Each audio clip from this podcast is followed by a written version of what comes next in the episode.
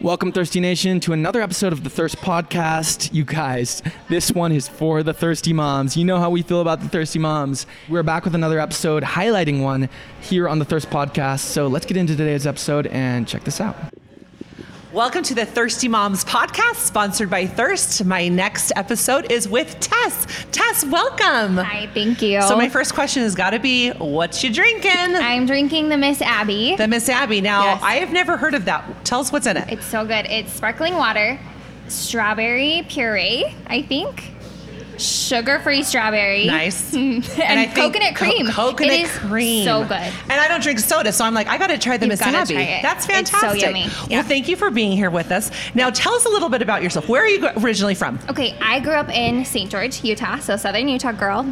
Um, I love it. It's beautiful, but I'm so happy to be up here now. Well, So- welcome. We and Thank we you. loved having you up here. Yeah, so welcome. it's great. So now I heard you and your husband are both from St. George. Is that correct? Yes, we are. And tell us a little bit how you guys met.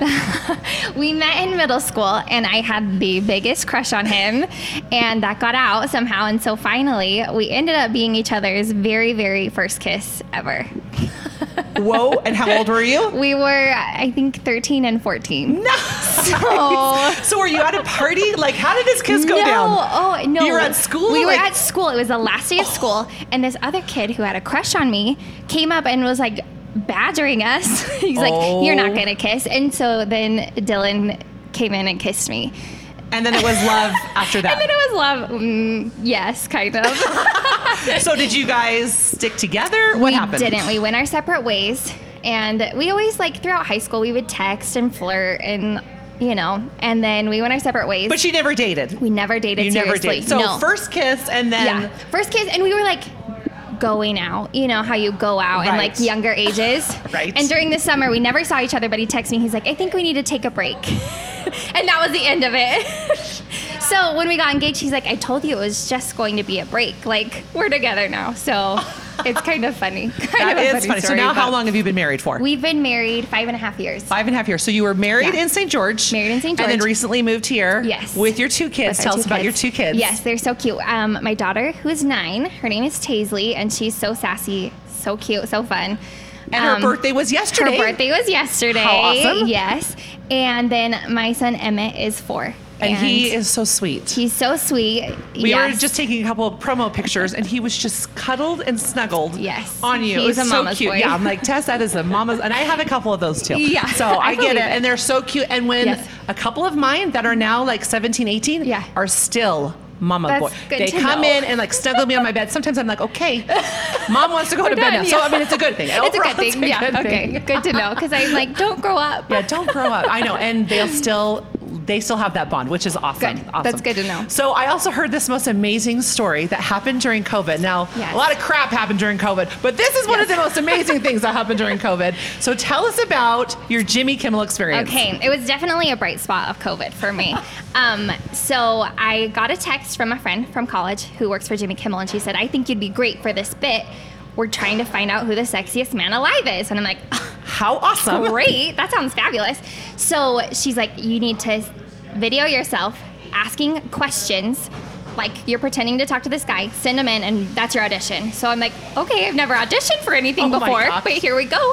So I did it. I sent it in, and she texted me like a few days later and was like, "You're in. They loved you." So oh my gosh! that was so fun. So then I set up. I get all set up in my little corner, and they like throw me on the screen. so wait, you're at home. I'm at home Doing your doing my Zoom Zoom with your yes. hair I done, looked makeup fabulous. I on, looked and- fabulous. Yes, That I is did. awesome. Okay, so now you're live. So now I'm live. Okay. They throw, they like throw my face up there, and I see that I'm on there. I'm like, okay, it's go time. It was so nerve Like, wracking. I bet.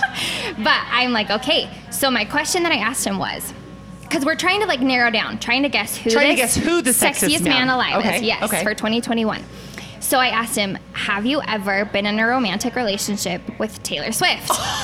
because I felt like that would narrow it down just enough to like a list of guys that we could figure out. That's a great They question. thought Jamie Kimmel thought it was hilarious. He laughed. It was ended up being Michael B. Jordan. Oh my goodness. I got to talk to Jimmy Kimmel and Michael B. Jordan, and Oh. I feel really good about it. So that is pretty it amazing. was really fun. It was a good time.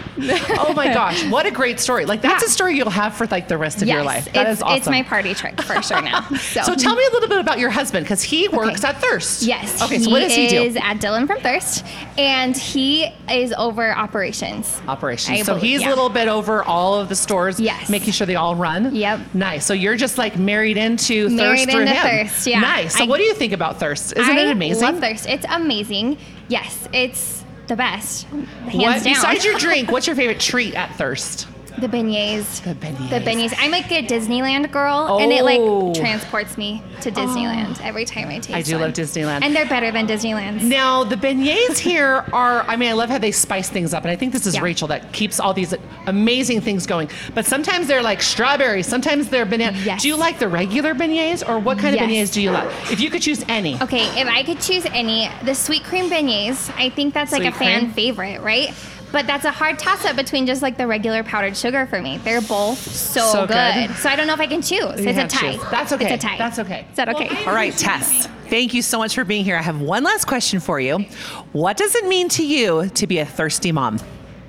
That's a great question. Um, I think to me, like being a thirsty mom is just going through the drive through with my kids in the back, getting our treats, and just going out and having a happy day. I love that tagline that they have have a happy day. I leave smiling. No matter which location I'm at. And then we can go off to the park or to T ball games or to dance practice to enjoy the rest of our day with our thirst and having a happy day. So that's what it means to me to be a thirsty mom.